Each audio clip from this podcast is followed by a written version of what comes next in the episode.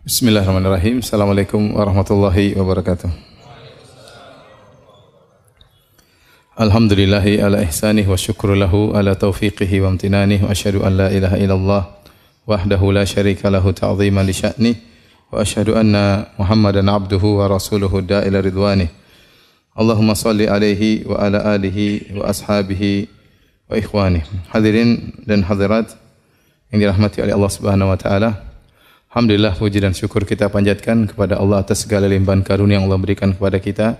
Salawat dan salam semoga tercurahkan selalu kepada junjungan kita Nabi Muhammad sallallahu alaihi wasallam dan juga kepada keluarganya serta seluruh sahabat beliau dan pengikutnya yang setia hingga akhir zaman kelak. Hadirin hadirat yang rahmati Subhanahu wa taala. Uh, topik yang kita bahas pada kesempatan kali ini adalah beberapa renungan dan nasihat kepada orang-orang yang mereka sedang bersedih. Sungguhnya kehidupan dunia ini ya berisi dengan ujian. Dan Allah Subhanahu wa taala telah menekankan hal ini dalam banyak ayat. Ya linabluwahum ayyuhum ahsanu amala. Kata Allah Subhanahu wa taala, sungguh ya uh, alladzi khalaqal mauta wal hayata, Allah yang telah menciptakan kematian dan kehidupan buat apa? Liyabluwahum ayyuhum ahsanu amala. Untuk menguji mana di antara mereka yang ya amalnya yang terbaik. Ya, Allah juga berfirman, "Hal ata 'alal insanu hina min ad-dahri lam yakun syai'an madhkura, inna khalaqnal insana min nutfatin amsyajin nabtalih." Ya, sungguh kami menciptakan manusia dari nutfah, ya dari air mani, ya buat apa? Nabtalih untuk mengujinya. Jadi memang Allah ciptakan kita untuk diuji. Karenanya seorang di atas muka bumi ini harus sadar bahwasanya dia diciptakan untuk diuji oleh Allah Subhanahu wa taala. Maka semua orang diuji, tidak ada seorang pun yang tidak diuji oleh Allah Subhanahu wa taala. Dan kita tahu semua orang pernah bersedih atau sebagian mereka sedang bersedih ya. Tapi kalau semua orang pernah bersedih, semuanya pernah bersedih. Tidak ada yang pernah luput dari kesedihan. Dengan ujian yang bermacam-macam. Ada orang diuji berkaitan dengan hartanya, ya, diberi ekonomi yang sulit, penuh dengan hutang, dililit hutang. Ada orang diuji dengan badannya, ya, cacat atau sakit-sakitan atau tubuh yang tidak sempurna. Ya, kemudian juga ada yang wanita diberi kesedihan karena bertahun-tahun sudah menikah, tidak memiliki anak. Sementara wanita yang lain juga sedih memiliki anak yang banyak tapi selalu menyusahkan dia, nakal, merepotkan dia. Sebagian wanita terus menangis. Sudah mencapai usia tua, tidak mendapatkan suami. Sementara banyak wanita yang menangis mendapati suami yang selalu menyesakkan hatinya, selalu memukulnya, selalu menyedihkannya. Dan demikianlah namanya ujian ya beraneka ragam menimpa satu dengan yang lainnya. Tapi memang berbeda-beda, ada yang ujiannya sedikit dan ada ujiannya banyak. Tetapi semua orang diuji oleh Allah Subhanahu wa taala. Dan siapa pun orangnya, mau kaya atau miskin pasti diuji ya. Sebagaimana sering saya sampaikan, bukan hanya orang miskin yang diuji, bukan hanya orang miskin yang bersedih. Orang kaya, para pejabat, para penguasa, mereka juga diuji, mereka juga bersedih. Bukan cuma kita saja yang menangis. Bahkan orang-orang terkenal, orang-orang yang mungkin dicari-cari oleh orang tersohor, mereka pun menangis. Bisa jadi tangisan mereka lebih banyak daripada daripada kita. Betapa sering kita melihat foto seorang pejabat, seorang penguasa yang mungkin tersenyum dalam foto tersebut. Namun kita lihat senyumannya penuh dengan keterpaksaan. Di balik senyuman tersebut dia menyimpan banyak penderitaan. Oleh karenanya siapa pun orangnya di dunia ini pasti diuji, ya, pasti diuji. Ya, baik orang yang uh, soleh maupun yang tidak yang tidak soleh. Ya. Terlebih lagi, terlebih lagi Allah menjanjikan orang-orang yang beriman dengan ujian yang lebih berat. Ya. Kata Allah Subhanahu Wa Taala, Alif Lam Mim ahasiban nasu ayyutraku ayyaqulu amanna wa hum la yuftanun. Walaqad fatanna alladhina min qablihim fala ya'lamanna Allahu alladhina sadaqu wa la ya'lamanna al-kadhibin. Kata Allah Subhanahu wa taala, Alif Lam Mim. Apakah manusia dibiarkan mereka berkata beriman sementara mereka tidak diuji? Sungguh kami telah menguji orang-orang sebelum mereka agar Allah tahu mana yang imannya benar dan mana yang imannya dusta. Ya. Am hasibatum an tadkhulul jannata wa lamma ya'tikum mathalul ladzina khalau min qablikum massathumul ba'sa'u wad-dharra'u wa zulzilu. Apa kalian menyangka kalian makan, makan masuk surga sementara belum datang kepada kalian ujian yang pernah menimpa orang-orang sebelum kalian? Mereka ditimpa dengan penderitaan, dengan kesusahan, digoncang oleh Allah Subhanahu wa taala. Jadi orang yang beriman justru dijanjikan ujian oleh Allah Subhanahu wa taala. Demikian juga dalam hadis kata Nabi sallallahu alaihi wasallam, waktu Nabi ditanya ayun nasi asyaddu balaan? Ya Rasulullah, siapakah orang yang paling berat cobaannya? Maka Nabi sallallahu alaihi wasallam mengatakan asyaddu bala nasi balaan al-anbiya. Orang yang paling berat ujiannya adalah para nabi. Thumma salihun, kemudian orang-orang saleh. Thumma al-amsal fal amsal, kemudian selanjutnya dan selanjutnya. Yubtala rajulu ala qadri imanihi. Seorang diuji berdasarkan kadar keimanannya. In kana fi imanihi salabatun zida fi balaihi. Kalau ternyata imannya kokoh, tegar, Allah akan tambah ujiannya. Wa in kana fi imani riqqatun khuffifa anhu. Kalau ternyata imannya lemah ketika diuji, maka Allah akan ringankan ujiannya. Subhanallah Allah mentakdirkan Nabi SAW adalah orang yang paling banyak ujiannya. Ujian dalam segala bentuk ujian. Ya. Lihatlah Nabi SAW dari kecil sudah diuji, lahir dalam kondisi tidak punya ayah. Kemudian tidak lama kemudian ibunya pun meninggal, jadi yatim piatu. Hidup dalam kondisi miskin sejak kecil, sejak kecil sudah mengembalakan kambing. Ya. Diuji dari sisi harta, Nabi hidup dengan penuh kesederhanaan. Ya, bulan-bulan berlalu, istri-istrinya tidak ada memasak apa pun di rumahnya. Rumah dengan rumah yang sangat sempit, mungkin cuma 4 kali 5 meter ya. Kalau terluka dilukai oleh kaumnya sampai berlumuran darah wajah beliau alaihi salatu wasalam. Adapun ujian penghinaan, ujian mental maka dihina dengan berbagai macam ujian. Dikatakan pendusta, dikatakan tukang sihir, dikatakan dukun, dikatakan orang gila ya. Dikatakan memutus silaturahmi, segala ya julukan yang terburuk yang ada di zaman itu ditempelkan kepada Nabi sallallahu alaihi wasallam. Kalau dikatakan ujian tentang kehilangan orang yang dicintai, maka Nabi diuji dengan meninggalnya Khadijah radhiyallahu taala anha, istri yang sangat dia cintai, yang 25 tahun hidup bersama Nabi tidak pernah mengangkat suara di hadapan Nabi sallallahu alaihi wasallam. Bagaimana tempat curhatnya selama ini? Kemudian Nabi ditinggal oleh Khadijah radhiyallahu taala anha di saat-saat Nabi lagi membutuhkan tempat untuk curhat. Tatkala itu lagi desakan kaum musyrikin, intimidasi kaum musyrikin lagi di puncak-puncaknya, Tiba-tiba Allah memanggil Khadijah radhiyallahu taala anha. Kalau dikatakan apakah Nabi tidak pernah diuji dengan meninggalnya?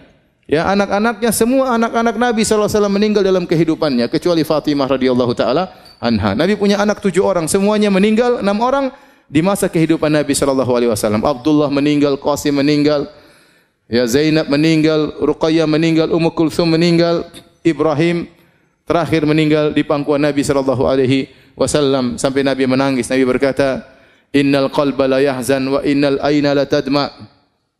Wa naqulu illa bima yurdi rabbana wa inna bi firaqika ya Ibrahim la mahzunun. Sungguh mata ini mengeluarkan air mata. Sungguhnya hati ini sangat bersedih dan kami tidak mengucapkan kecuali kata-kata yang mendatangkan keridhaan Allah Subhanahu wa taala. Wa inna bi firaqika ya Ibrahim la mahzunun. Sungguh kami dengan kepergianmu wahai anakku Ibrahim sangat bersedih. Semua ujian dihadapi oleh Nabi sallallahu alaihi wasallam. Cuma satu mungkin saya bilang Nabi tidak diuji, yaitu Nabi tidak diuji dengan kecacatan. Kenapa? Karena beliau seorang nabi. Tidak pantas dia seorang cacat.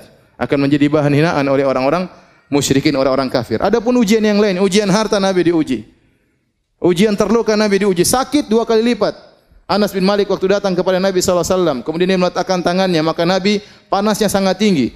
Ya Rasulullah innaka la tu'ak wa'kan syadidan. Ya Rasulullah, sungguhnya engkau mengalami panas yang sangat panas ya. Kata Nabi SAW, ini u'ak kama yu'aku rajulun rajulani minkum. Sungguhnya aku kalau merasa demam dua kali lipat seperti kalian.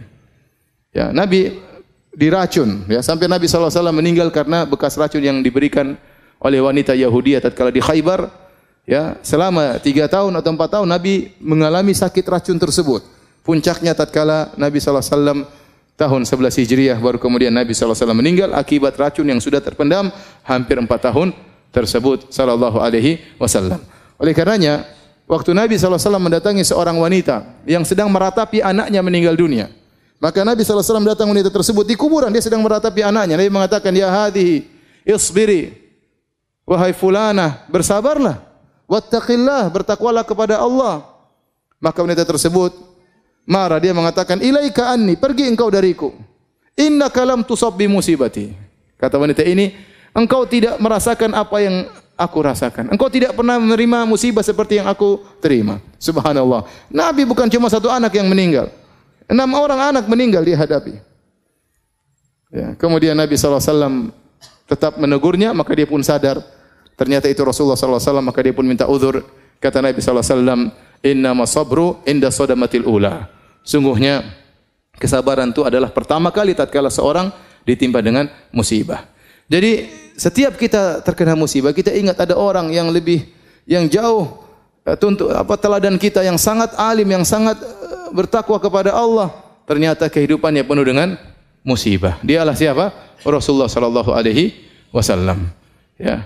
Oleh karenanya, hadirin dan hadirat Allah Subhanahu wa taala, ada beberapa nasihat yang ingin saya sampaikan ya. Pada kesempatan kali ini agar meringankan beban kesedihan yang dialami oleh kita karena siapa di antara kita sih yang tidak pernah bersedih? Terkadang kesedihan itu datang berkelanjutan, silih berganti ya. Yang pertama, uh, yang harus kita sadari bahwasanya demikianlah tabiat dari kehidupan. Namanya kehidupan isinya ujian. Sebagaimana tadi saya sudah singgung di mukaddimah pengajian. Nah Allah Subhanahu wa taala berfirman, "Laqad khalaqnal insana fi kabad." Sungguh kami ciptakan manusia fi kabad, yukabit yaitu dalam kondisi susah payah. Sejak dia lahir dalam kesusahan, lahir dalam kondisi ya, keluar dalam kondisi menangis, ya tangisan yang menyedihkan atau menyenangkan orang di sekitarnya. Ya. Kemudian setelah itu hidup dengan kepayahan, ditimpa dengan sakit, ya, kemudian e, merangka dan seterusnya ya. Kemudian dia pun setelah besar dia harus bekerja mencari nafkah, ya, entah diterima pekerjaan atau tidak, belum dimarahin bosnya, ya, harus berjalan di bawah terik matahari. Ya, namanya manusia semuanya susah ya. Kemudian dia pun kalau mau menikah ya harus kumpulkan uang untuk mahar. Kerja keras ya. Lihat berapa banyak jomblo yang sekarang belum bisa menikah. Penderitaan yang bertubi-tubi menimpa mereka. Penderitaan yang belum bisa mereka hindarikan sampai sekarang. Kenapa? Tidak punya duit. Cari duit untuk cari mahar. Begitu sudah cari mahar, kemudian melamar, terkadang ditolak. Penderitaan berikutnya. Semua datang orang kepada saya, Ustaz, saya sudah melamar. Nanti kenapa belum nikah? Sudah melamar, Ustaz. Kenapa? Aduh ditolak Ustaz. Kasihan. Kita ngelihatnya itu sedih gitu. Tapi bagaimana lagi ya? Ya. Belum lagi ternyata sudah ngelamar dapat istri, belum tentu dapat istri soleha. Ternyata istri ini ternyata bawa penderitaan, menambah amal soleh untuk bersabar.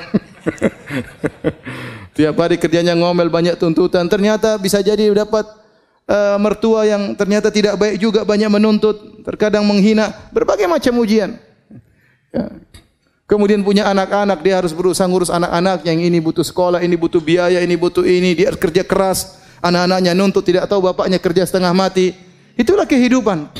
Itulah kehidupan. Di sela-sela itu dia sakit, terkadang gembira, terkadang sakit, terkadang bertemu dengan orang-orang yang dia cintai, terkadang dipisahkan dengan orang-orang yang dia cintai. Kalau dia umurnya panjang, dia akan lihat banyak orang yang dia cintai meninggal sebelum dia dan itu kesedihan yang luar biasa. Kalau dia umurnya pendek, maka dia meninggal ditangisi oleh orang-orang di sekitarnya. Demikian kondisi kehidupan. Laqad khalaqanal insana fi kabad. Kami menciptakan manusia di atas kepayahan. Makanya Imam Ahmad ditanya, kapan seorang beristirahat? Kata Imam Ahmad rahimahullah, sampai dia menginjakkan kakinya di surga, baru dia apa? Istirahat. Dalam kehidupan ini dia penuh dengan ujian, penuh dengan kepayahan, penuh dengan kesulitan. Semua orang. Ya, siapa yang tidak susah? Semuanya susah. Ya, semuanya susah. Orang kaya Terkadang susah dalam kekayaannya. Ya, saya pernah ketemu kawan saya luar biasa, dia kaya. Cerita tentang perusahaan. Saya enggak jarang dengar, tapi cerita ini begini. Usaha kemudian terkadang naik turun, harga lagi turun, pusing. Ya. Kemudian kalau sudah mau lebaran mikir THR, uh setengah mati. Apalagi kalau ternyata pegawai seribu orang, THR seribu orang berapa orang? Berapa, berapa duit? Orang-orang pegawai yang miskin-miskin pada senang mau lebaran. Dia yang mau kasih gaji setengah mati. Jadi masing-masing ada ujiannya. Ya. Antum kira presiden, antum kira pejabat tidak susah, mereka juga susah. Di balik kegembiraan mereka, di balik kemewahan yang mereka miliki, mereka hidup dengan kegelisahan. Ya, betapa banyak yang demikian. Oleh karenanya ini tabiat dari kehidupan, kondisi kehidupan isinya adalah ujian. Maka Anda jangan berangan-angan terlepas dari ujian. Semua orang diuji, cuma bedanya ada yang sedikit, ada yang banyak, itu saja. Oleh karenanya, syair yang diucapkan oleh Imam Syafi'i rahimahullahu taala, dia mengatakan mihanuz zamani kathiratun la tanqadi wa sururuhu ya'tika kal ayadi. Sungguhnya ujian kehidupan itu tidak terputus-putus kata Imam Syafi'i. Ini menunjukkan bagaimana beliau banyak diuji. Apalagi beliau ulama, orang soleh, pasti banyak ujiannya. Mihanuz zamani kathiratun la tanqadi kata beliau. Ujian kehidupan, ujian zaman Terus tidak terputus-putus. Wa sururuhu ya'tika kal a'yadi. Adapun kesenangannya datang sesekali seperti hari Eid, sesekali aja datang. Ya, oleh karenanya kita harus sadar bahwasanya ya dunia ini isinya adalah ujian. Isinya adalah ujian ya. Antum ingat ayat tersebut. Laqad khalaqnal insana fi kabad. Sungguhnya manusia diciptakan Allah menciptakan manusia dengan kepayahan. Taib. Ini yang pertama. Yang kedua, hadirin dan hadirat yang hadirat subhanahu wa ta'ala, ya. Ingatlah bahwasanya yang menguji kita dengan ujian ini, ya, yang menimpakan kita musibah ini adalah Allah Subhanahu wa taala. Allah Subhanahu wa taala berarti ya sengaja Ya, Allah dengan hikmahnya sengaja menimpakan musibah ini kepada kita. Allah telah memilih kita untuk diuji dengan ujian ini dan Allah tahu ujian ini pas buat kita. Allah tatkala mentakdirkan ujian ini bagi kita, misalnya seorang kehilangan anaknya, seorang kehilangan barangnya, seorang mungkin terluka, seorang mungkin harus bercerai, seorang banyak musibah yang Allah tahu berarti memang ini pantas buat kita atau pas buat kita dan kita memang bisa untuk menghadapinya. Maka seorang ridho dengan keputusan Allah Subhanahu wa taala. Apalagi seorang tahu bahwasanya yang men, men, men, menentukan, mentakdirkan adanya musibah ini, musibah ini adalah Arhamur Rahimin. Adalah zat yang Maha Pengasih lagi Maha Penyayang. Yang lebih sayang kepada dia daripada seorang ibu kepada anaknya. Ya. Lallahu arhamu bi ibadihi min hadhihi biwaladiha. Allah lebih sayang kepada hamba-hambanya daripada seorang ibu terhadap anaknya. Jadi kalau Allah kasih kita musibah, kasih kita ujian, ya udahlah. Ini berarti memang Allah sudah takdirkan. Dan Allah memilih buat kita memilih buat kita ujian tersebut berarti kita sebenarnya sanggup untuk menghadapinya. Karena Allah telah berfirman, la yukallifullahu nafsan illa usaha. Allah tidak memberi luar kemam kemampuan. Jadi kalau kita berusaha, bersabar, berdoa, tegar, insya Allah kita bisa menghadapi ujian ini. Dan ini memang pas, kadarnya sesuai yang Allah kehendaki. Ini dia ujiannya sekian kadarnya sekian. Makanya tadi hadis yang sudah saya sebutkan, Allah memberi ujian kepada seorang hamba. In kana fi imanihi salabatun zida fi balaihi. Kalau ternyata imannya kokoh Allah tambah. Berarti Allah memberi ujian sesuai dengan kadar yang pas buat kita. Maka seorang begitu diuji, sabar. Sabar, dia tahu bahwasanya ini adalah ujian yang memang harusnya bisa dia hadapi. Kemudian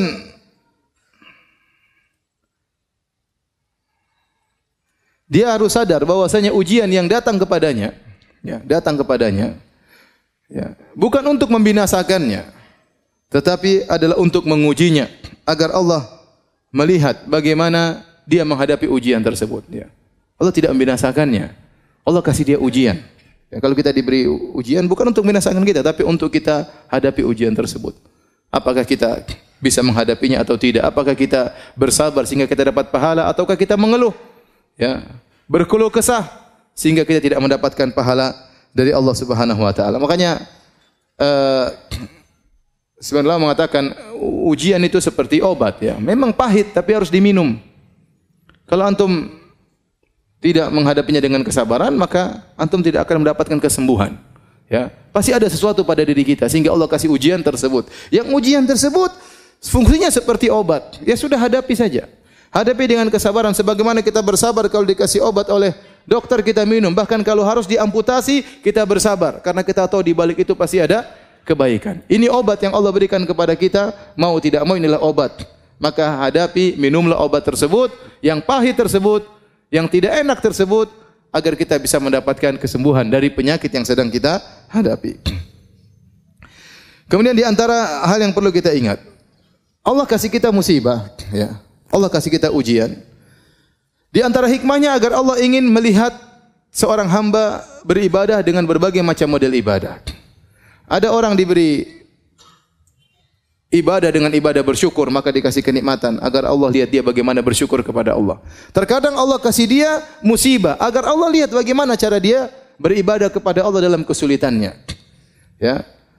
Dan betapa banyak ibadah yang muncul tatkala orang dalam penderitaan yang tidak mungkin dilakukan oleh seorang yang sedang menghadapi kenikmatan, mendapati kenikmatan. Coba antum bayangkan seorang tatkala sedang diuji, hatinya benar-benar terenyuh kepada Allah Subhanahu wa taala. Harapannya hanya kepada siapa?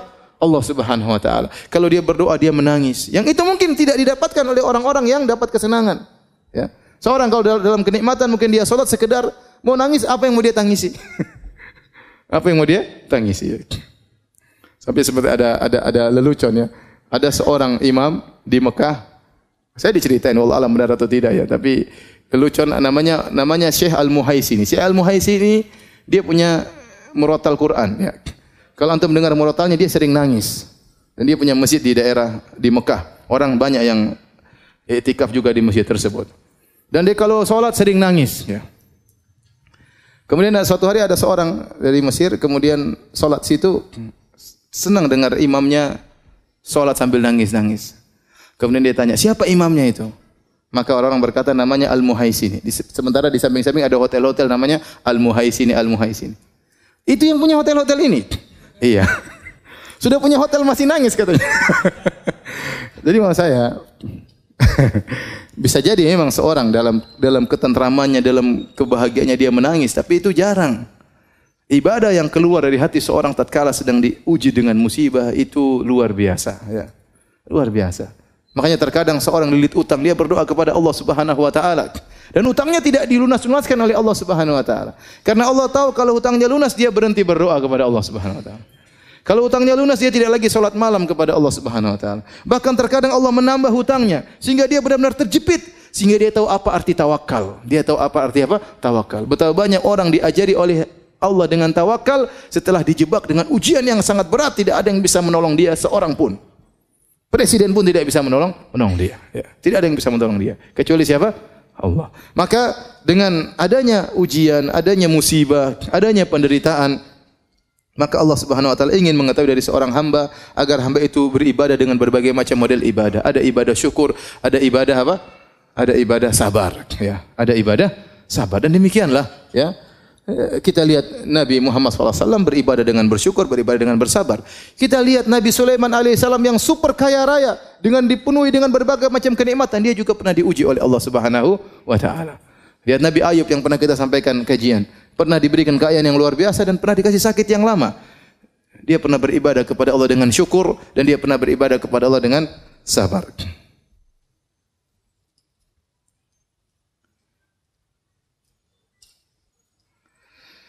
Kemudian ingat, jika Anda diuji oleh Allah Subhanahu wa taala, Anda bersabar, maka sungguhnya Anda dalam kebaikan. Anda masih dalam kebaikan. Kapan Anda tidak dalam kebaikan? Kalau Anda mengeluh, kalau Anda meronta, kalau Anda protes kepada Allah Subhanahu wa taala. Nabi SAW bersabda, "Ajaban li amril mu'min inna amrahu kullahu khair." Sungguh menakjubkan perkara seorang mukmin. Sungguhnya perkaranya seluruhnya adalah kebaikan. Seluruhnya kebaikan. Walaisa dzalika li ahadin illa lil mu'min. Dan ini tidak mungkin kecuali hanya kepada seorang mukmin. Seorang mukmin yang selalu dalam kondisi baik. Dan ini tidak mungkin dilakukan kecuali oleh seorang mukmin. In asabatu sarra syakara fakana khairal lahu. Kalau dia mendapati kesenangan-kesenangan maka dia bersyukur dan ini baik baginya. Wa in asabatu dharra, jika dia diuji dengan penderitaan, sabara, maka dia bersabar. Fakana khairal lahu dan itu baik baginya. Oleh karenanya, jika Anda sedang diuji sementara Anda bersabar, sungguhnya Anda dalam lautan kebaikan. Kebaikan terus mengalir, argo kebaikan terus berjalan karena Anda sedang dalam kesabaran sebagaimana ya yang dijelaskan dalam hadis tersebut.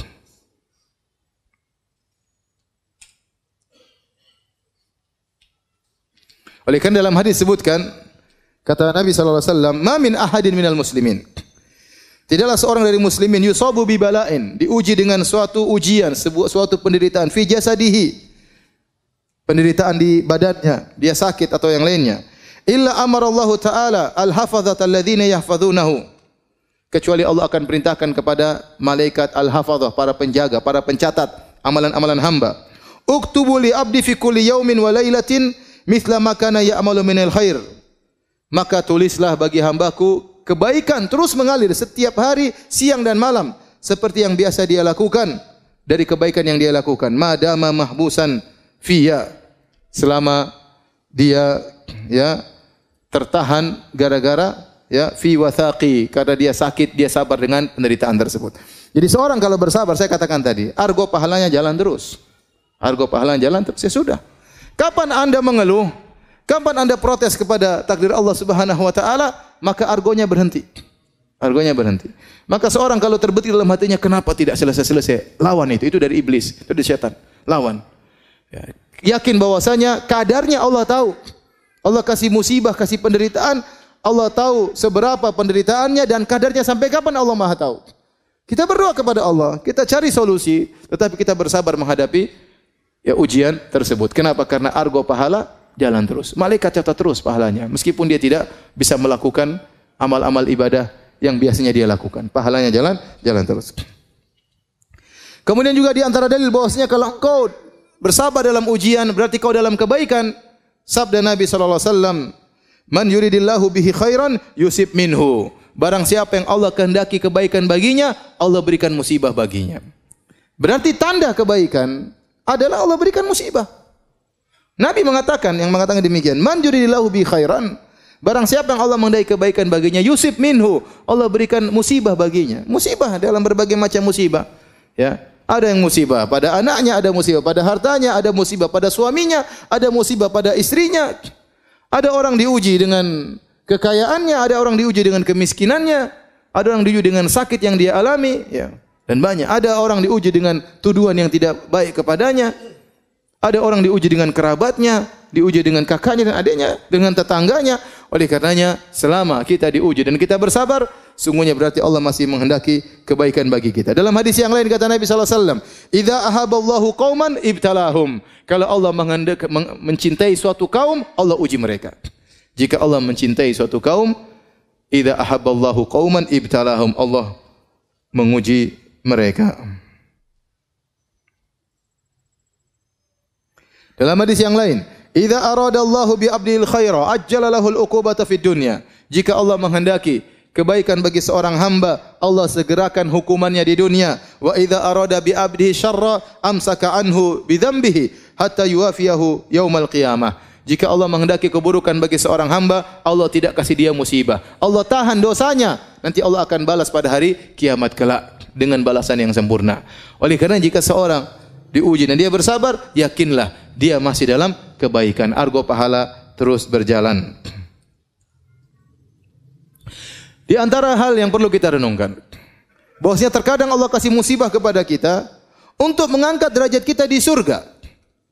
Dalam satu hadis kata Nabi SAW, Inna rajula la yakuna, inna rajula la yakunu lahu inda Allahil manzilah, fama yuballighuha bil, fama yablughuha bil amal fama yazalu yabtalihi bima yakrahu hatta yuballighahu iyyaha.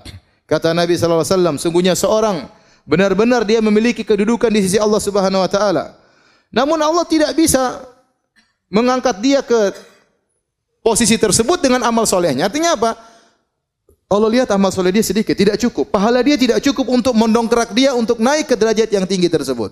Fama yazalu yabtalihi maka Allah terus mengujinya. Allah terus memberikan musibah kepadanya. Bima yakrah dengan perkara yang dia tidak sukai. Hatta yuballighahu iyyaha sampai Allah pun menyampaikan dia pada derajat tersebut. Ini yang disebut dengan musibah menambah derajat seseorang. Ya, siapa di antara kita yang tahu amal solehnya banyak? Ya kita baca Quran jarang-jarang. Ya kita sholat malam jarang-jarang. Itu pun sholat malam dalam kondisi ngantuk-ngantuk. Sedekah masih pelit. Berbakti sama orang tua juga jarang-jarang. Baik sama istri pun tidak banyak. Perhatian sama tetangga kurang. Zikir juga lisan tidak pernah basah dengan zikir kepada Allah Subhanahu wa taala. Ibadah kita kurang kalau kita mau mau kita kalkulasi ibadah kita sangat sedikit. Terus kita ingin dapat derajat yang tinggi, tidak ada cara lain kecuali dengan dikasih musibah. Di balik musibah tersebut banyak ibadah-ibadah yang mau tidak mau kita lakukan.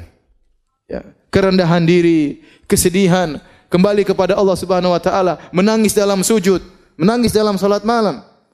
Ternyata dengan dikasih musibah tersebut, pahala kesabaran seorang hamba mengangkat dia pada derajat yang tinggi. Kalau dengan amal saja dia tidak mampu. Inilah maksud dari hadis tersebut.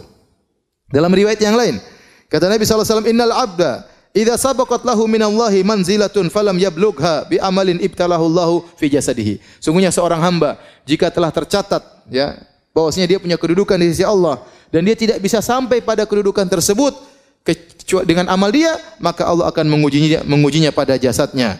Au malihi atau Allah akan mengujinya pada ekonominya, pada hartanya. Au fi waladihi atau Allah, Allah akan mengujinya pada anaknya. Subhanallah. Mungkin dia diuji pada jasadnya, mungkin terluka, mungkin sakit, mungkin celaka.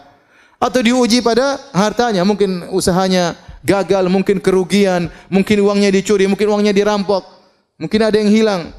Au fi waladi, mungkin anaknya yang sakit, mungkin anaknya meninggal. Subhanallah. Allah kasih ujian kepada dia.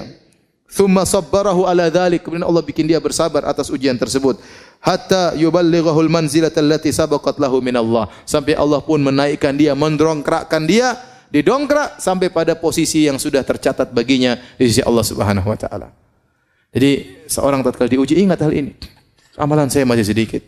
Bisa jadi ujian inilah yang meninggikan apa derajat derajat saya. Kemudian di antara hal yang perlu dia ingat tatkala dia sedang bersedih diuji dengan ujian, ingatlah bahwasanya ujian tersebut sebagai kafarah menghilangkan dosa-dosanya, menghilangkan dosa-dosanya. Kata Nabi SAW, Ma yusibul muslim min nasabin wala wasabin wala hammin wala hazanin wala adhan wala ghammin hatta syaukata yushakuha illa kafarallahu biha min khatayahu. Kata Nabi SAW, tidaklah suatu pun menimpa seorang muslim. Baik keletihan, bahkan keletihan. Baik uh, nasabin, keletihan, baik wasab, sakit, sakit apa pun. Sampai demam, ya, sampai demam. Kata Nabi wasallam, la tasubbi al-humma, jangan engkau mencela demam. Fa innaha tudhibu khataya bani Adam kama yudhibul kir khabathal hadid. Sungguhnya demam itu menghapuskan dosa-dosa seorang anak Adam sebagaimana alat pandai besi menghilangkan karat dari besi. Jangan mencela penyakit, jangan mencela demam kata Nabi sallallahu alaihi wasallam. Jadi seorang letih, seorang sakit, ya, wala hazanin kemudian juga kesedihan yang menimpanya ya sampai wala hammin ya ham itu kekhawatiran tentang di kemudian hari gimana nanti depan, besok bagaimana lusa bagaimana bagaimana tahun 2000 sekian bagaimana bagaimana bagaimana anak saya kalau sudah besar. Kekhawatiran ini pun ini kesedihan. Ke, ke, ke, kalau hazan kesedihan tentang masa lalu. Kalau hamin kegelisahan kekesian tentang masa depan yang dikhawatirkan ini juga menghapuskan dosa-dosa. Wala adzan dan juga gangguan orang yang orang berikan kepada dia, dia dizalimi, dia diganggu, dikata-katain, dituduh yang tidak-tidak, digibahi. Ini semua penghapus dosa. Wala ghammin, kegelisahan. Seorang muslim terkadang tidak jelas tahu-tahu dia gelisah. Tahu-tahu ada hatinya lagi tidak tentram, tidak tahu kenapa. Ketahuilah itu penghapus dosa-dosa. Wala syauka yushakuha bahkan duri yang mengenai tubuhnya kecuali Allah akan menghapuskan dosa-dosanya. Maka seorang bersabar ya. Tatkala ya diberi ujian oleh Allah Subhanahu wa taala. Ya, sampai dalam hadis disebutkan sampai dia diuji oleh Allah terus, diuji oleh Allah terus sampai dia berjalan di atas muka bumi tidak ada dosa sama sama sekali. Berjalan dengan santai tidak ada satu dosa pun yang ada di tubuhnya. Kenapa? Selama ini dia bersabar tatkala diuji oleh Allah Subhanahu wa taala. Terkadang orang yang ikhwan diuji dengan berbagai macam ujian dari ujian satu ke ujian yang lain. Dan itu yang dialami oleh Nabi sallallahu alaihi wasallam. Terkadang orang dikasih uji dengan satu ujian. Karena kalau Allah Allah tahu dia mampu menghadapi ujian ini. Kalau dikasih ujian lain mungkin dia tidak mampu. Ya sudah Allah kasih dia misalnya kesulitan ekonomi terus sampai dia meninggal dunia. Itu ujian yang bisa dia hadapi. Dia sabar. Ada orang dikasih misalnya cacat atau dikasih sakit. Ujian terus bertahun-tahun sampai dia meninggal dunia. Allah tahu ini ujian yang bisa dia hadapi. Inilah yang bisa mengangkat derajatnya. Ini yang bisa menghapuskan apa? Dosa-dosanya. Ya akhir sekarang kita banyak dosa. Saya sering sampaikan kalau zaman dahulu orang ingin tidak berdosa gampang. Tinggal-tinggal dalam rumah tidak berdosa. Sekarang dalam rumah juga berdosa. Sendirian juga berdosa.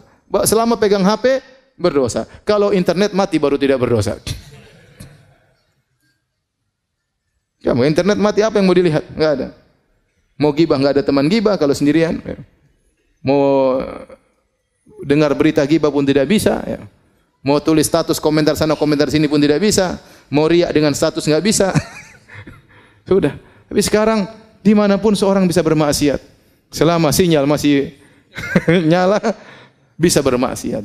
Nah, ini kesempatan Allah kasih ujian menghapuskan dosa-dosa kita. Kita tidak minta kepada Allah, ya Allah ujilah saya. Jangan. Kata Nabi SAW, la, tatan, la, la tatamannau liqa'al adu. Jangan kalian berangan-angan untuk bertemu dengan musuh. Fa idza laqitumuhum fasbiru, fasbutu. Kalau ketemu dengan musuh sabar. Kita tidak minta diuji, tapi kalau Allah kasih ujian kita ber, bersabar. Karena ujian tersebut menghapuskan dosa-dosa. Ujian apa pun ya, ujian apa pun. Sedih, gelisah, kekhawatiran, takut, jengkelan ya. Pulang ke rumah diomelin istri itu menghapus dosa-dosa. Alhamdulillah. Kenapa mas? Alhamdulillah. Ah bilang mas. Alhamdulillah. Semua omelanmu, semua teriakanmu menghapuskan dosa-dosaku. Kalau aku bersabar ya. Kalau nggak bersabar tambah dosa. Coba ini tadi hadisnya. Maya zalul bala'u bil mu'min. Senantiasa ujian menimpa seorang mukmin wal mukminah dan juga seorang wanita mukminah fi nafsihi wa waladi wa. Allah kasih ujian ini berganti-ganti ujiannya. Bayangkan, senantiasa ujian menimpa seorang mukmin atau seorang mukminah fi nafsihi pada badannya, pada hatinya, hatinya sakit, sedih. Waladihi mungkin diganti lagi pada anaknya. Wa malihi anaknya sudah hartanya juga kena hatta yalqallaha taala wa ma alaihi khati'ah sampai dia bertemu dengan Allah tidak ada satu dosa sedikit pun yang dia bawa. Ini menunjukkan musibah ya menghapuskan dosa-dosa.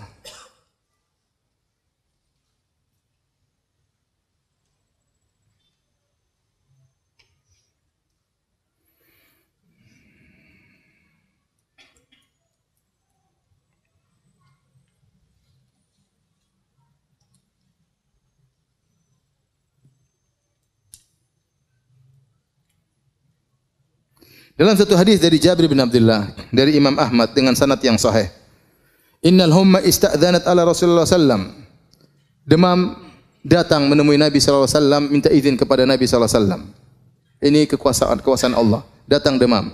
Kemudian Nabi bertanya, "Man hadhihi?" Siapa ini yang minta izin? Kata demam Ummu Mildam dan itulah kunyahnya demam, humma. Maka fa'amara biha ila ahli Quba. Maka Nabi perintahkan dia untuk pergi ke penduduk kota Kuba agar mereka yang ditimpa dengan demam. Falaku minha ma ya'lamullah. Maka mereka pun ditimpa dengan demam karena Nabi mengarahkan demam tersebut untuk menimpa penduduk Kuba. Fasyaku dzalika ilaihi. Maka mereka pun mengeluh kepada Nabi sallallahu alaihi wasallam, "Ya Rasulullah, kami ditimpa demam." Mereka sakit penduduk kota Kuba. Di Madinah dan Kuba ya. Penduduk kota Kuba. Maka Nabi berkata, "Ma syi'tum, in syi'tum an ad'ullaha lakum fayakshifaha ankum wa in syi'tum an takuna lakum tahuran. Terserah kalian wahai penduduk kota Kuba. Kalau kalian berkehendak, aku akan berdoa kepada Allah agar Allah menyembuhkan kalian dari demam tersebut. Demam tersebut diangkat oleh Allah Subhanahu wa taala. Kalau kalian mau, maka demam ini akan menjadi pembersih dosa-dosa kalian.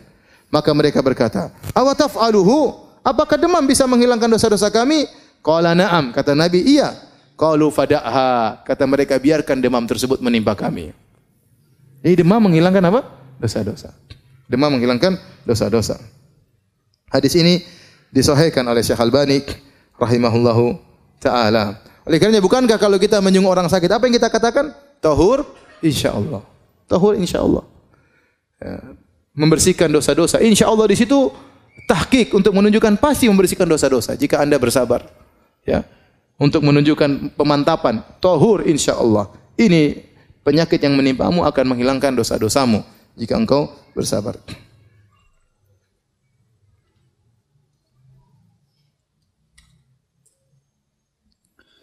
Taib. Nasihat berikutnya para hadirin dan hadirat yang dirahmati oleh Allah Subhanahu wa taala.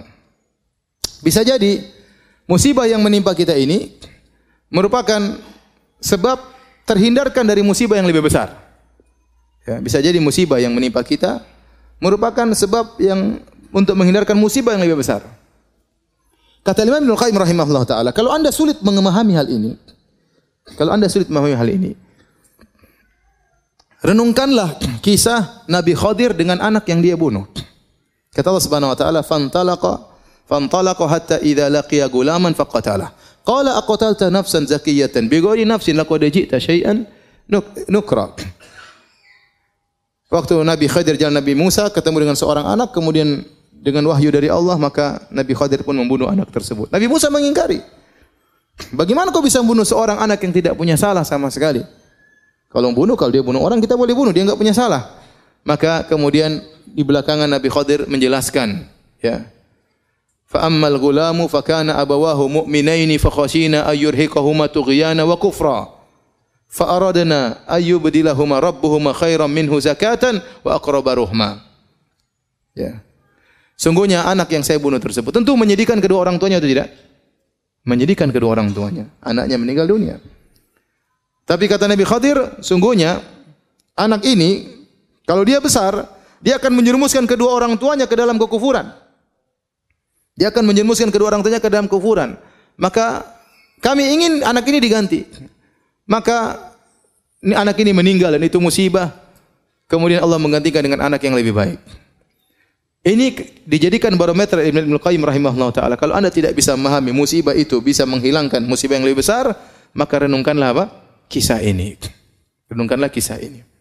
Contoh kisah lain disebut oleh para ulama tentang Ahad Qadat Ubaidillah bin Ziyad. Salah seorang panglimanya Ubaidillah bin Ziyad. Tahu siapa Ubaidillah bin Ziyad? Ubaidillah bin Ziyad ialah panglima atau yang yang telah membunuh yang memimpin untuk membunuh siapa? Al Husain.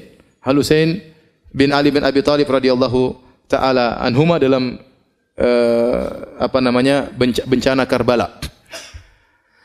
Waktu dia naik di atas rumahnya, seorang panglima dari anak buah Ubaidillah bin Ziyad yang biasanya memimpin peperangan, dia naik di atas atap ala sota kemudian dia jatuh sehingga kakinya dua-duanya patah. Maka dia dijunguk oleh seorang ulama yang bernama Abu Kilabah, muridnya Anas bin Malik radhiyallahu taala anhu. Maka dia mengatakan, insyaallah lebih baik ya. Insyaallah ini lebih baik yang Allah takdirkan bagi engkau. Maka dia bilang, apa yang lebih baik daripada kedua kaki patah? Dia tidak tahu. Kemudian tiga hari berikutnya tiba-tiba datang surat panggilan dari Ubaidillah bin Ziyad agar dia memerangi peperangan untuk membunuh atau untuk mencegah Hussein bin Ali bin Abi Thalib. Akhirnya datanglah utusan tersebut dia berkata, lihatlah bagaimana saya mau berangkat sementara kedua kaki saya apa? Patah. Akhirnya tidak jadi dia. Sebelas hari kemudian datang kabar Hussein telah terbunuh. Dia bilang rahimallahu Abu Kilabah. Semoga Allah merahmati Abu Kilabah. Benar nasihatnya. Seandainya saya tidak jatuh, saya akan pimpinan perang untuk membunuh siapa? Al Husain. Kita tidak tahu, subhanallah. Bisa jadi musibah tersebut ada ada musibah yang lebih besar yang Allah hindarkan dari kita dengan terkena musibah kecil tersebut. Sebagaimana kisah yang sering saya sampaikan tentang seorang uh, raja yang memiliki wazir, menteri yang selalu mengatakan al khair al khair khiratullah yang terbaik adalah pilihan Allah Subhanahu wa taala. Kisah ini sering disampaikan oleh para ulama, saya tidak tahu akan kesahihannya. Ia seorang menteri yang selalu berkata yang terbaik pilihan Allah Subhanahu wa taala. Setiap ada orang terkena musibah dia datang, yang terbaik pilihan Allah Subhanahu wa taala. Orang terkena musibah, yang terbaik pilihan Allah Subhanahu wa taala. Sampai akhirnya sang raja tangannya terputus karena terpotong, dia datang kepada sang raja dia berkata, yang terbaik pilihan Allah Subhanahu wa taala. Maka raja pun marah. Apa yang terbaik? Tangan saya putus, jari saya putus. Kau bilang yang terbaik. Masukkan ini menteri dalam penjara. Begitu dimasukkan di penjara dia mengatakan, yang terbaik pilihan Allah. Saya di penjara pun adalah yang terbaik. Suatu hari sang raja kemudian sedang berburu dengan menteri-menterinya, kemudian mereka berburu, kemudian dia mereka berburu keasikan berburu sampai keluar daripada daerah kekuasaannya. Sampai akhirnya dia terjebak ke suatu kaum yang mereka menyembah berhala atau menyembah arwah dan mereka ingin menangkap orang supaya dikurbankan kepada sesembahan tersebut. Akhirnya sang raja ditangkap dengan pengawal-pengawalnya semua ditangkap dan semuanya dibakar atau dipanggang atau dibunuh untuk arwah mereka. Ketika sang raja ingin dibunuh, tiba-tiba ada seseorang dari penyembah berhala tersebut berteriak, ini tidak pantas orang ini untuk disembahkan kepada Tuhan kita. Kenapa? Tangannya ada yang cacat jarinya. Yang cacat tidak boleh. Seperti kambing, kalau ada kambing yang luka, tidak boleh. Ada kambing yang buta, nggak boleh. Ya, ini tidak cacat untuk jadi korban. Kalau korban harus orang yang tidak boleh cacat. Akhirnya raja tersebut disuruh pulang dan dia selamat gara-gara jarinya yang putus. Maka dia ingat perkataan menterinya, benar perkataan menteriku yang terbaik adalah apa? Pilihan Allah Subhanahu wa taala. Maka dia segera pulang ketemu menterinya, dia mengatakan benar perkataanmu yang terbaik adalah pilihan Allah. Terus kamu waktu di penjara kenapa kau bilang terbaik pilihan Allah? Kata dia kalau saya tidak di penjara tentu saya akan ikut berburu sama Anda dan saya jadi korban. Jadi mau saya seorang renungkan ini kisah bisa jadi bisa jadi ya bisa jadi musibah ya mendatangkan atau menolak musibah yang lebih besar. Ada saya pernah dengar cerita ada seorang dia uh, menemani seorang untuk dia menemani orang untuk pergi ke bandara. Ya, tamu datang, kemudian dia pun menemani tamu tersebut menunggu ke bandara. Ternyata pesawat delay. Harusnya dia sudah pulang ke rumah, mungkin sudah tidur siang atau tidur malam. Saya lupa waktunya, mungkin sudah tidur malam. Namun gara-gara ngantar temannya ini, padahal dia lagi sibuk, setiap ngantar lihat jam, aduh, kok enggak. Ternyata pesawat delay dan karena dia nggak enak dia nungguin. Musibah. Waktu dia terbuang, pekerjaannya tertunda. Subhanallah sampai akhirnya temannya tersebut berangkat, dia pulang ke rumah, ternyata rumahnya kecurian. Terus rumahnya kecurian. Ada rampok datang masuk kemudian mengambil hartanya. Kemudian dia tambah jengkel lagi. Dia bilang coba ini. Itu gara-gara pesawat. Coba kalau tadi saya pulang lebih cepat mungkin saya tidak kecurian. Maka ada tetangga yang negur, ya akhi. Ihmadillah, pujilah Allah. Apa ada perampok datang baik-baik sama ente? Eh, kalau ente lagi di rumah mungkin ente dibunuh sekalian.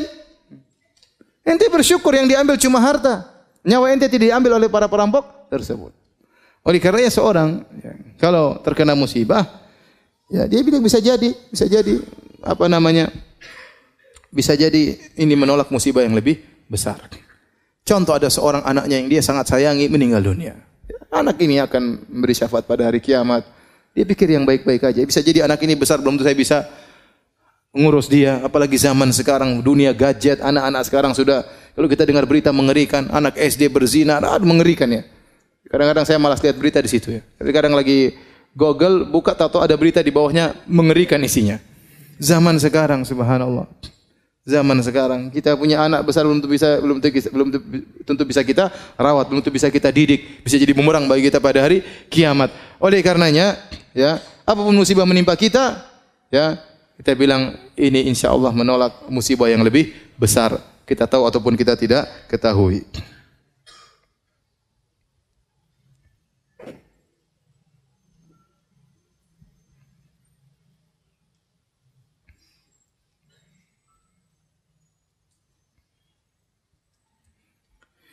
Anda ditimpa musibah oleh Allah Subhanahu wa taala agar Anda tahu bagaimana bersyukur yang benar. Terkadang seorang tidak tahu rasa syukur nikmatnya syukur kecuali setelah dikasih apa?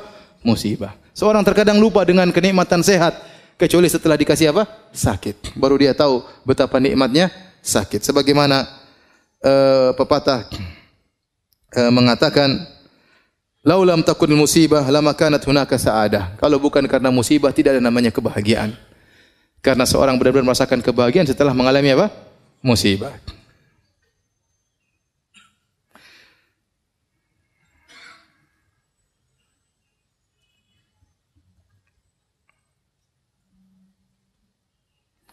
Di antara hal yang bisa meringankan seorang tatkala sedang bersedih. Dia harus beriman dengan masalah takdir. Dia tahu bahwasanya seluruh yang menimpanya ini sudah ditakdirkan oleh Allah Subhanahu wa taala. Tidak mungkin dia hindari. Nabi sallallahu alaihi wasallam ya mengatakan ma asabaka lam yakun liukhtiak wa ma akhta'aka lam yakun liusibak. Apa yang menimpamu tidak bisa kau hindari. Dan apa yang terhindar darimu tidak mungkin menimpamu. Ini sudah pasti ya. Inna Allah kataba maqadir al-khalaiq qabla an yakhluqa samawati wal ard bi khamsina alf sanah.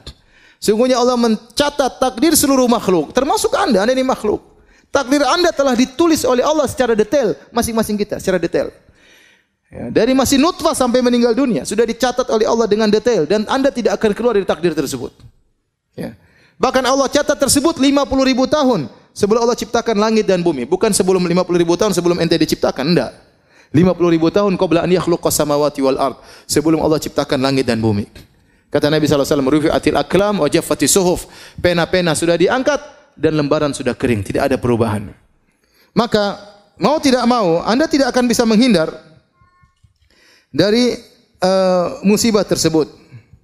Karena musibah tersebut sudah tercatat bagi Anda. Tinggal bagaimana Anda menghadapi musibah tersebut. Kalau Anda menghadapinya dengan sabar, fa anta ma'jur, maka engkau dapat pahala. Tapi jika engkau menghadapinya dengan tidak bersabar, fa anta ma'zur, engkau dapat dosa. Tetap saja tidak terhindar. Mau diapain? Sekarang kalau ada misalnya seorang ibu anaknya meninggal dunia. Kemudian dia meronta-ronta, menangis-tangis. Apakah anaknya bisa hidup kembali? Nggak bisa. Percuma. Tinggal di hadapan dia, dia mau meronta-ronta, dapat dosa. Dia bersabar, kesedihan ada. Nabi pun bersedih. Tapi dapat pahala. Tinggal dia pilih yang mana dan tidak akan merubah kondisi. Tidak akan merubah kondisi. Seandainya kalau dia meronta-ronta, menangis-nangis, anaknya hidup kembali, silakan meronta-ronta. Tapi tidak ada, tidak bisa. Sebagian ibu-ibu, subhanallah, saya dengar berita sedih sekali. Saya tahu ada seorang wanita, ya sudah ngaji, kemudian sampai bercadar, kemudian anaknya meninggal.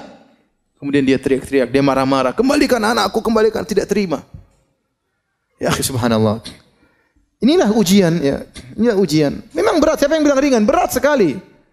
Tapi anti diuji agar anti mencapai derajat yang tinggi, mendapatkan pahala yang besar.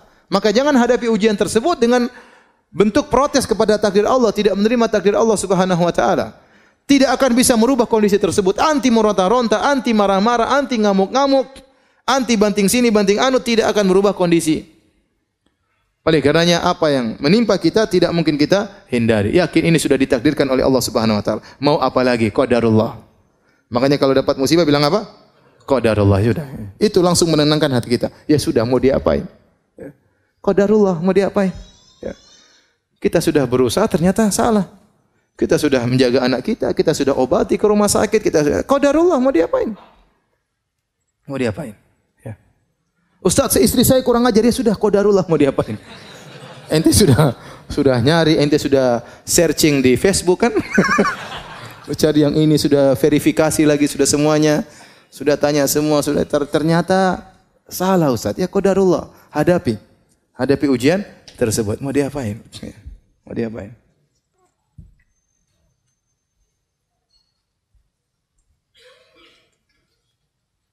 Bisa ada seorang, dia hitam, kemudian dia, tapi dia tinggi. Kemudian dia ingin menikah dengan perempuan yang cantik, meskipun pendek putih, supaya anaknya apa? Tinggi dan putih. Ternyata kodarullah.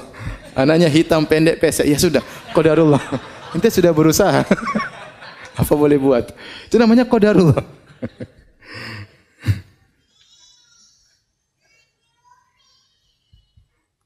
Jadi yang paling mudah membuat orang sabar adalah yakin bahwasanya semuanya sudah ditakdirkan oleh Allah Subhanahu wa taala.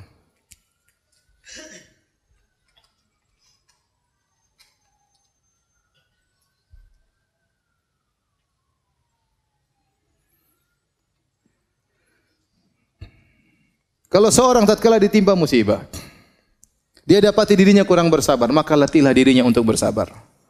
Kalau dia latih dirinya untuk bersabar, dia akan bersabar.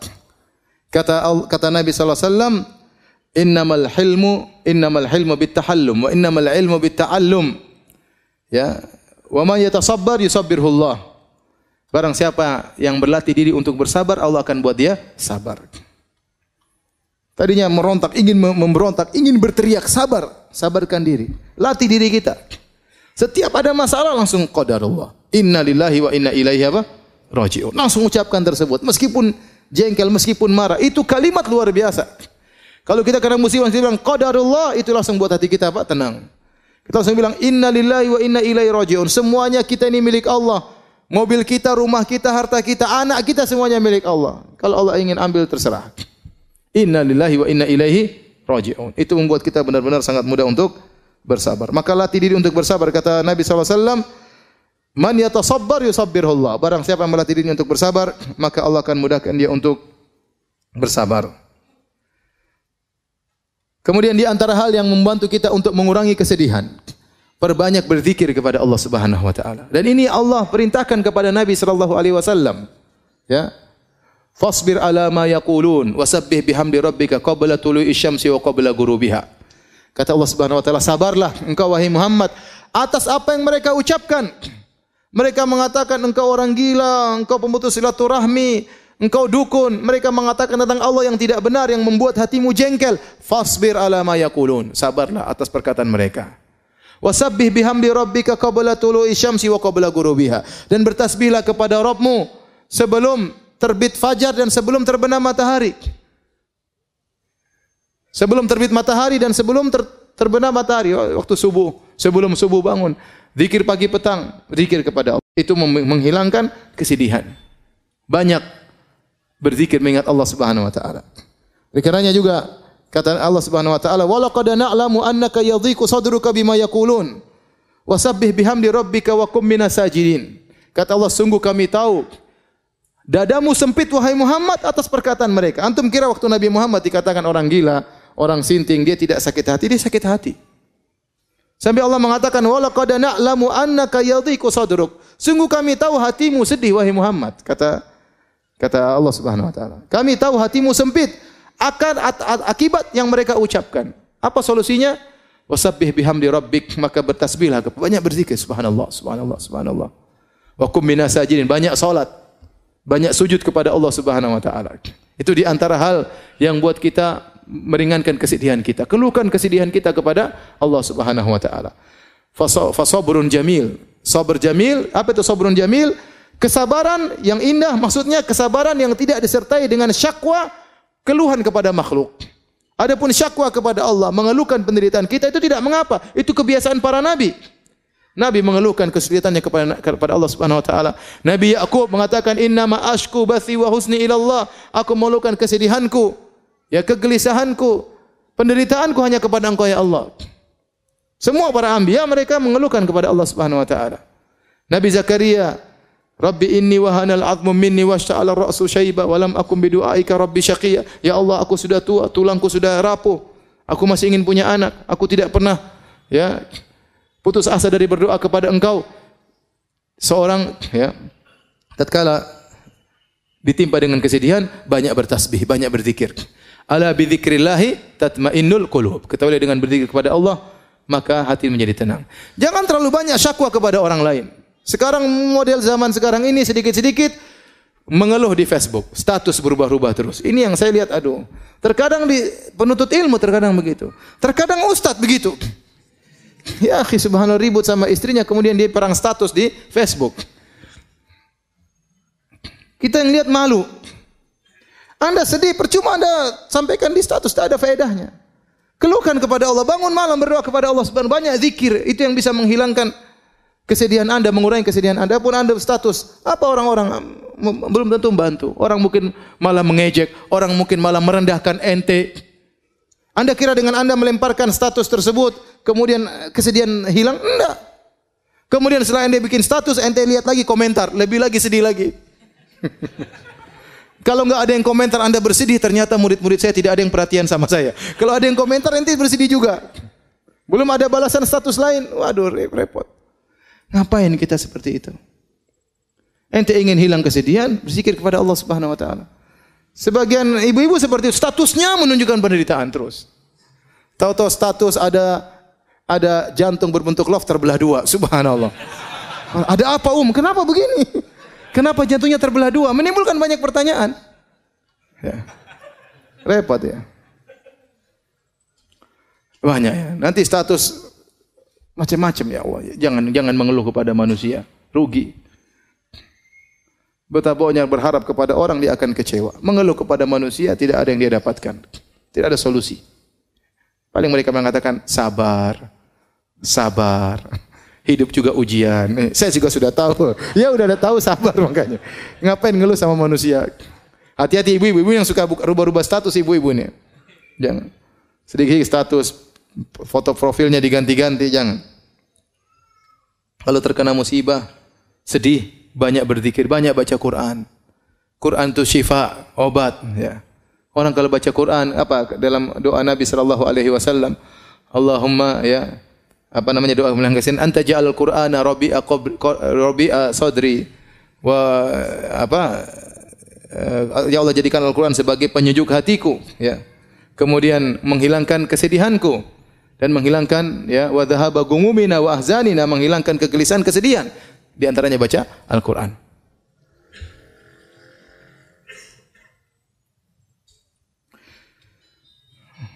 Kemudian di antara hal yang membantu kita untuk menghilangkan kesedihan. Yaitu jangan memutar kembali masa-masa yang lalu. Ya. Kenangan-kenangan lalu hapuskan. Ada seorang mungkin mungkin ya punya anak meninggal dunia. Kemudian dia masih simpan bonekanya, dia masih simpan bajunya. Ini jangan, ini menyiksa diri. Sudah sedekahkan kepada orang lain. Nanti dilihat bonekanya, dia nangis lagi lihat anaknya. Lihat sepedanya, dia nangis lagi lihat apa? Anak. Jadi itu terjadi. Sudah itu semua barang kasih orang. Jangan mencoba untuk mengingat masa lalu yang menimbulkan kesedihan karena itu diingin oleh setan. Ya. Setan ingin apa? Liyahzunal ladzina amanu. Setan ingin agar orang beriman sedih.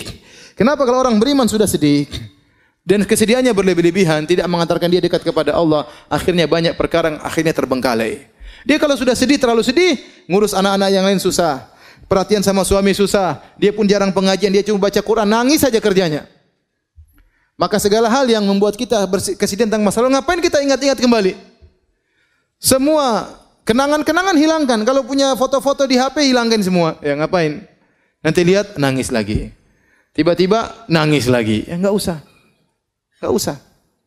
Baik tentang orang tua kita, baik tentang anak-anak kita yang sudah lalu biarlah berlalu. Ya. Ngapain kita menjebak diri kita pada kesedihan yang lalu yang tidak mungkin kita perbaiki lagi, mustahil, tidak mungkin kita kembalikan lagi, mustahil.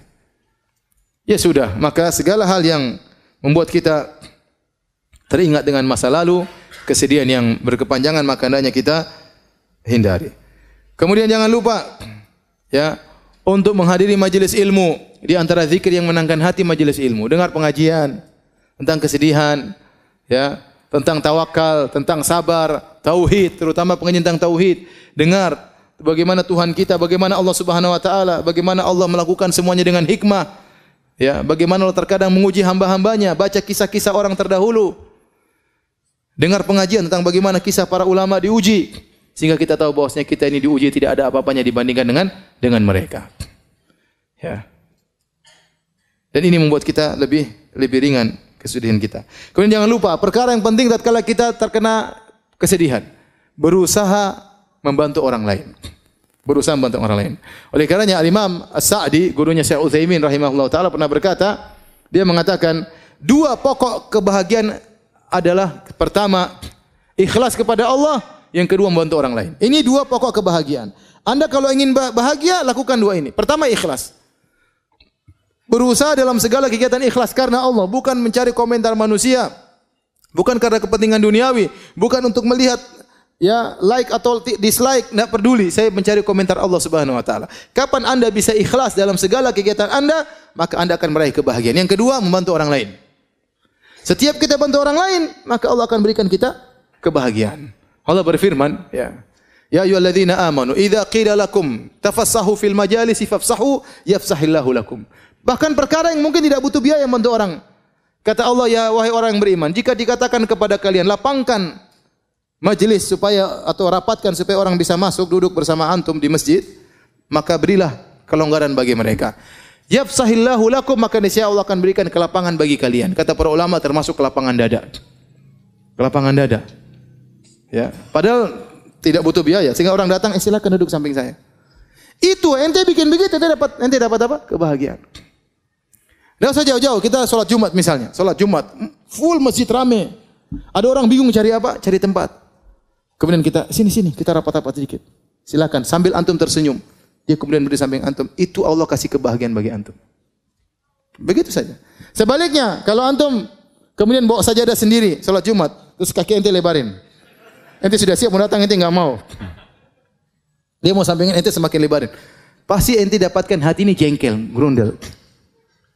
Allah bikin hati ente menjadi apa? Sempit. Berbuat baik kepada orang lain pasti mendatangkan kebahagiaan. Antum lihat orang di jalan, orang menyeberang, orang lagi sibuk-sibuknya ente sempatkan waktu ngantar orang kakek tua tersebut sebentar-sebentar. Berhentikan kemudian antum berjalan mengantar orang tersebut. Allah pasti kasih kebahagiaan. Ya, ini asal kebahagiaan adalah membantu orang lain. Di saat-saat kita penuh kesedihan, jangan lupa kita memberi kebahagiaan kepada orang lain. Niscaya kesedihan tersebut akan dikurangi oleh Allah Subhanahu wa taala. Ya. Oleh karena saya katakan manusia paling berbahagia adalah siapa? Adalah Rasulullah sallallahu alaihi wasallam. Kenapa dia selalu menebar kebahagiaan bagi orang orang lain? Siapa pun yang minta bantuan kepada Nabi, maka Nabi pun membantunya sebisanya. Itulah Rasulullah sallallahu alaihi wasallam. Maka cobalah kalau kita ditimpa kesedihan, bantu orang lain. An-nafa'al muta'addi, membantu orang lain maka insya Allah akan berikan uh, kebahagiaan bagi kita.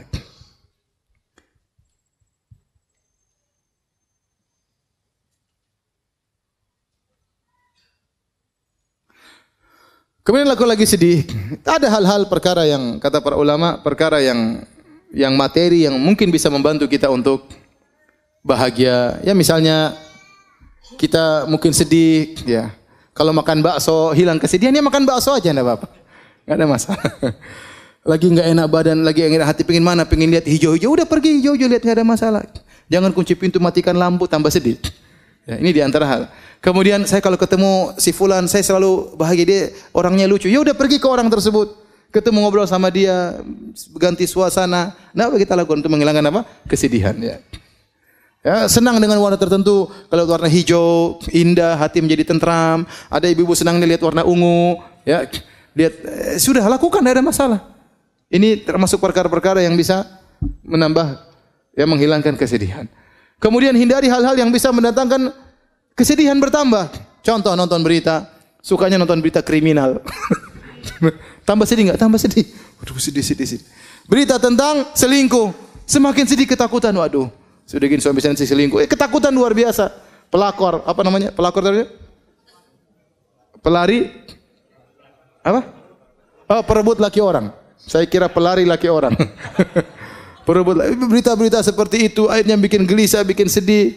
Ketemu orang yang mulutnya kotor, jangan ketemu dia. Ketemu majelis-majelis gibah, jangan. Ini bikin kesedihan semuanya. Ganti suasana, ya.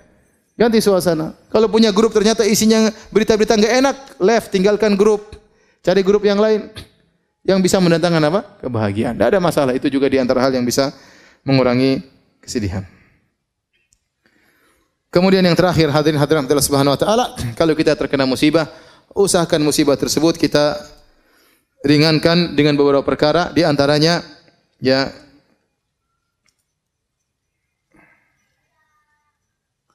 ingat musibah yang lebih berat daripada yang kita alami ya. Kalau kita terkena musibah, misalnya seorang ya, ada seorang eh, tangannya terluka, kemudian dia memuji Allah, alhamdulillah. Kenapa? Ente memuji Allah. Alhamdulillah, bukan di lisanku. Coba kalau lidahku yang luka, bukan di mulutku, bukan di wajahku, seperti itu. Ya.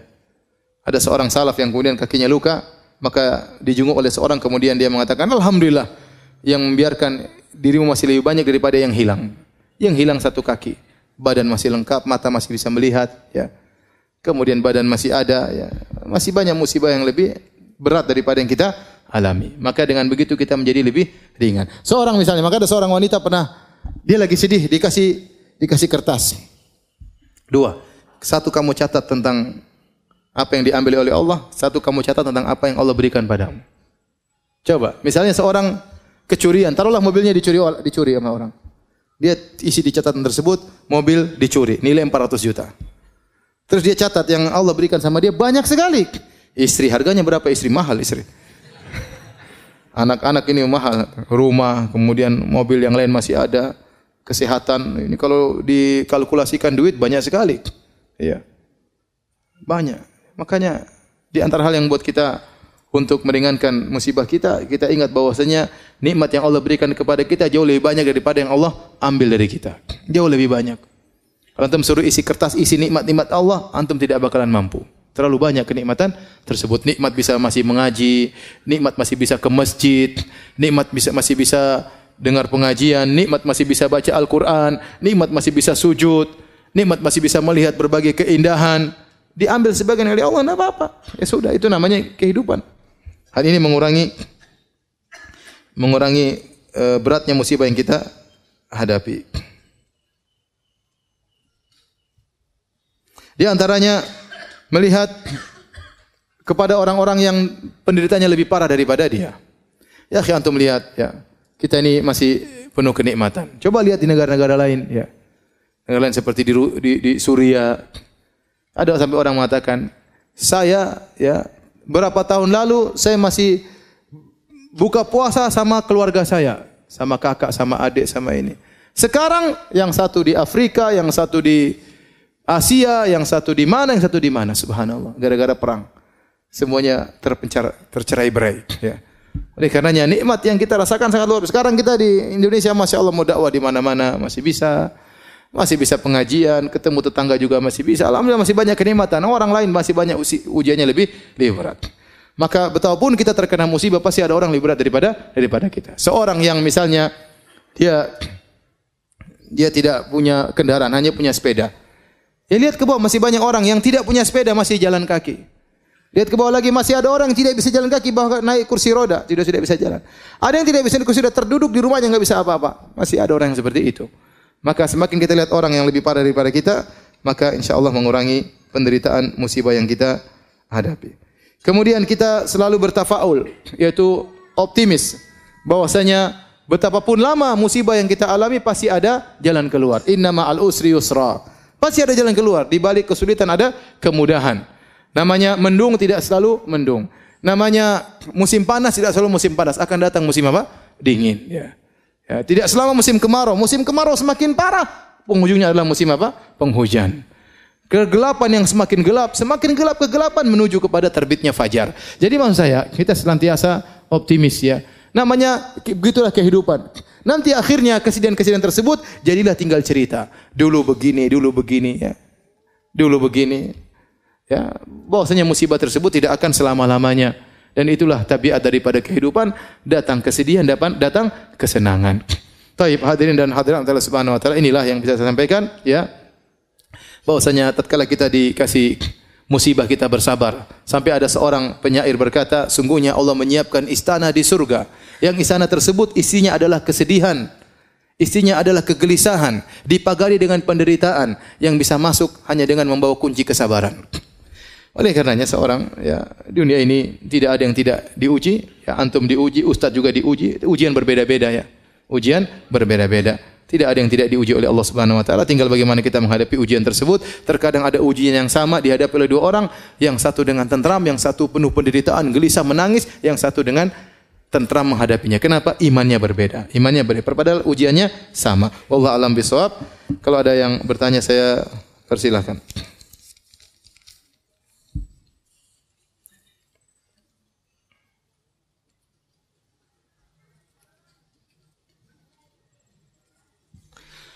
Apakah zikir pagi dibaca jam 9 pagi dan zikir petang dibaca habis maghrib itu boleh Ustaz?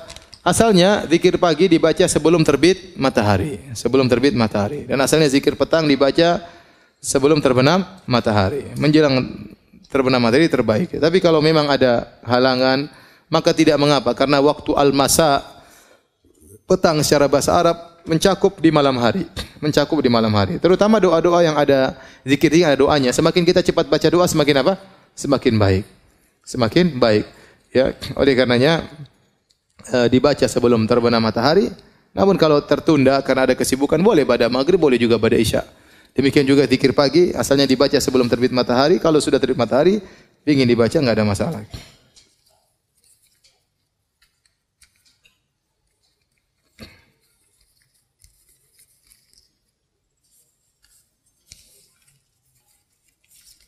Ustadz, ada pertanyaan titipan. Apakah menikah harus dengan orang yang kita jatuh cinta kepadanya? Dan menikah apa harus menunggu lulus kuliah terlebih dahulu? Semuanya tidak harus. Kalau ditanya apakah harus kita menikah dengan orang yang kita jatuh cinta kepadanya, tidak harus. Ya, tapi kalau itu bisa, itu lebih baik. Ya. Karena kecintaan itu menambah kelanggengan kehidupan rumah tangga. Makanya disyariatkan nazar. Kenapa kita nazar? Supaya kita suka, kita tertarik, ah, baru kita menikah. Kalau kita enggak tertarik, maka sebaiknya jangan ya karena akan mengganggu kebahagiaan kehidupan rumah rumah tangga. Maka disyariatkanlah nazar melihat untuk menumbuhkan rasa cinta tersebut. Tapi apa kita harus menikah dengan orang yang kita cintai? Belum tentu. Belum tentu. Kebahagiaan tidak harus bersama dengan orang yang kita jatuh cinta kepadanya. Ya. Tapi kalau bisa kepada orang yang kita cintai itu yang terbaik. Apakah menikah harus tunggu kuliah? Tidak harus.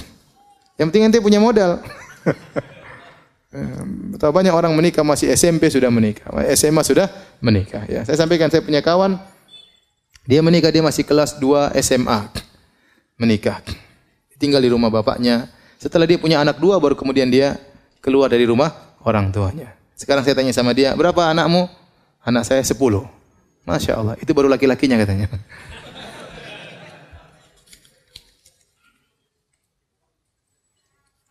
Apakah musibah dapat dicegah atau tidak? Dicegah sama sekali, sudah takdir. Kalau sudah ditakdirkan tidak akan bisa dicegah.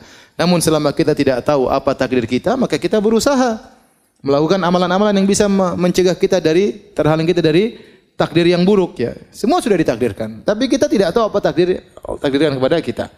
Yang penting kita melakukan sebab di antara hal-halnya yang menghilangkan kita dari kesudahan yang buruk misalnya adalah berbuat baik kepada orang lain kata Nabi sallallahu alaihi wasallam.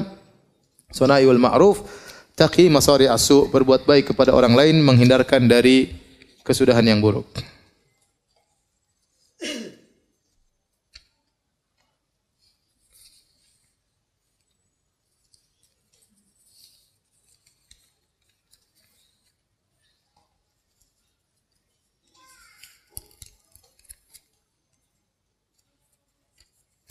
Ustadz Ana tinggal bersama ibu yang usianya 76 tahun. Ibu anak ini sangat susah sekali dikasih tahu untuk hal kebaikan. Terkadang ada di hati timbul rasa kesal atau marah dan rasanya juga ingin nangis rasanya. Apakah ini termasuk ujian berat dan bolehkah anak sekali marah ibu anak? Jangan ya, jangan marah ibu. Kasih tahu yang baik ya. Tidak usah dimarah-marahin ya. Emang ibu orang tua sudah kalau sudah tua seperti itu ya. Dia kembali ada pikunnya, ada enggak ngertinya dan itulah pahala sangat besar. Makanya kata Allah, imma yablughanna indakal kibara ahaduhuma aw kilahuma. Ya, kalau keduanya sudah mencapai masa jompo, salah satunya atau keduanya, fala taqul lahuma uffin. Maka jangan berkata ah. Ah aja enggak boleh apalagi marah-marahin. Justru di masa tua itulah pahalanya besar. Kita berbakti sama orang tua, di umur apa pun orang tua kita masih 50, masih 60, masih 40, kita dapat pahala. Tapi lebih khusus, pahalanya lebih besar tatkala dia sudah mencapai masa jompo. Sudah tidak bisa berbuat apa-apa, sudah mulai pikun. Di situlah butuh kesabaran. Situlah pahala sangat besar bagi anti, bagi anda. Oleh karenanya kalau anda sabar, maka pahalanya sangat besar. Yang namanya orang tua seperti itu. Ya, sama orang tua kita sabar waktu mengurus kita masih kecil. Ya, sekarang kita tahu kita ngurus anak kita nggak gampang. Anak kita dikasih tahu nggak mau dengar, ya marah-marah terkadang, ya, ya terkadang dia marahin kita, anak-anak ya begitulah. Eh, orang tua juga nanti seperti itu. Antum juga nanti seperti itu kalau sudah tua. Oleh karenanya eh, berusaha berbakti sama orang tua. Mudah-mudahan Allah menjadikan anak-anak anda berbakti kepada anda.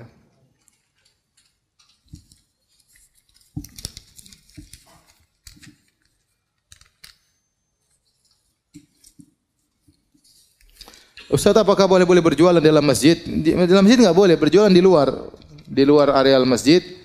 Selama adalah masjid adalah tempat untuk sholat maka tidak boleh ya. Tidak boleh kalau tempat tempat itu dipakai untuk sholat maka berarti itu dibangun untuk tempat sholat ya. Ya, adapun di luar pagar nggak ada masalah.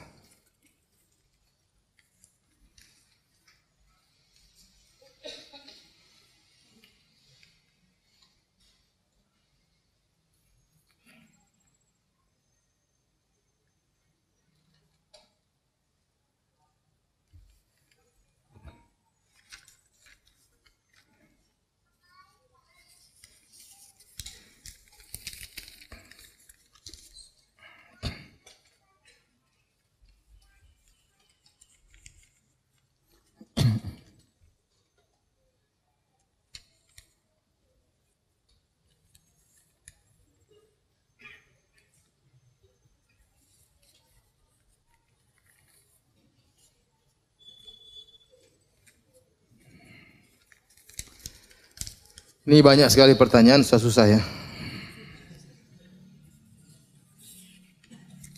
Tanya sama Ustaz yang lain.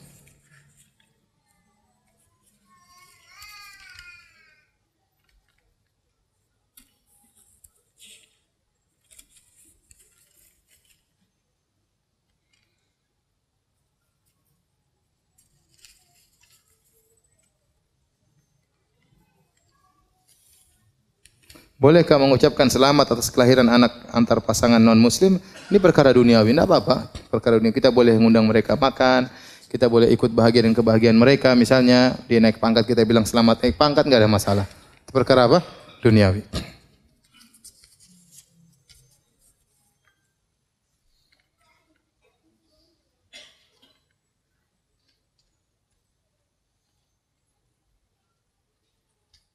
Apakah bermain face app, face app yang memperkirakan seperti apa muka kita? sekian tahun kemudian termasuk mendekati dukun? Enggak kali ya. Cuma itu mainan yang ngapain itu. Kita gambar-gambar khawatir kita menggambar-gambar yang uh, yang dilarang oleh syariat ya karena niru-niru ciptaan Allah Subhanahu wa taala. Apakah mengomentari hasilnya juga termasuk mendekati dukun? Saya rasa tidak. Ini bukan masalah perdukunan ya. Ya kecuali dia mengatakan wajah saya seperti ini, pasti seperti ini, itu tidak boleh ya. Tidak boleh. Ya, karena kita tidak tahu ente belum tentu hidup sampai segitu ya. ya. Saya belum tahu aplikasi tersebut ya. Cuma saya lihat ada orang yang profilnya tahu-tahu dia tulis uh, umur saya 60 sekian. Apakah sampai segitu umur saya? Dia kasih pasang wajahnya sama waktu wajahnya sudah apa? Tua, ya. Mungkin pakai aplikasi tersebut. Aplikasinya saya tidak tahu, saya tidak pernah tidak pernah uh, lihat.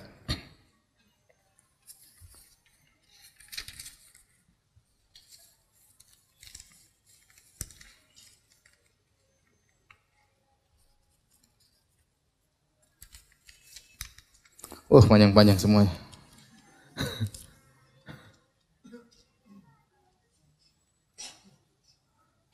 Saya seorang ibu dengan empat orang anak yang ditinggal suami. Apakah berdosa jika saya terus meratapi kematiannya? Iya, tidak boleh. Ya. Kalau timbul kesedihan, ucapkan qadarullah. Innalillahi wa inna rajiun. Setiap sedih bilang apa? Qadarullah. Innalillahi wa inna rajiun. Setan ingin kita terus bersedih. Sehingga akhirnya kita terbengkalai, tidak bisa ngurus anak dengan baik. Mungkin kita mau cari nafkah pun susah. Kenapa? Karena diliputi dengan apa? Kesedihan. Akhirnya khawatirnya kalau terus bersedih, akhirnya meratapi seakan-akan protes dengan takdir Allah Subhanahu dan itu dosa. Kalau sudah sampai pada tahapan tersebut maka itu apa? Dosa. Maka setiap kita sedih kita bilang qadarullah innalillahi wa inna ilaihi rajiun. Demikian saja kajian kita. Semoga bermanfaat. Subhanakallah bihamdik asyhadu an la ilaha illa anta ilaik. Assalamualaikum warahmatullahi wabarakatuh.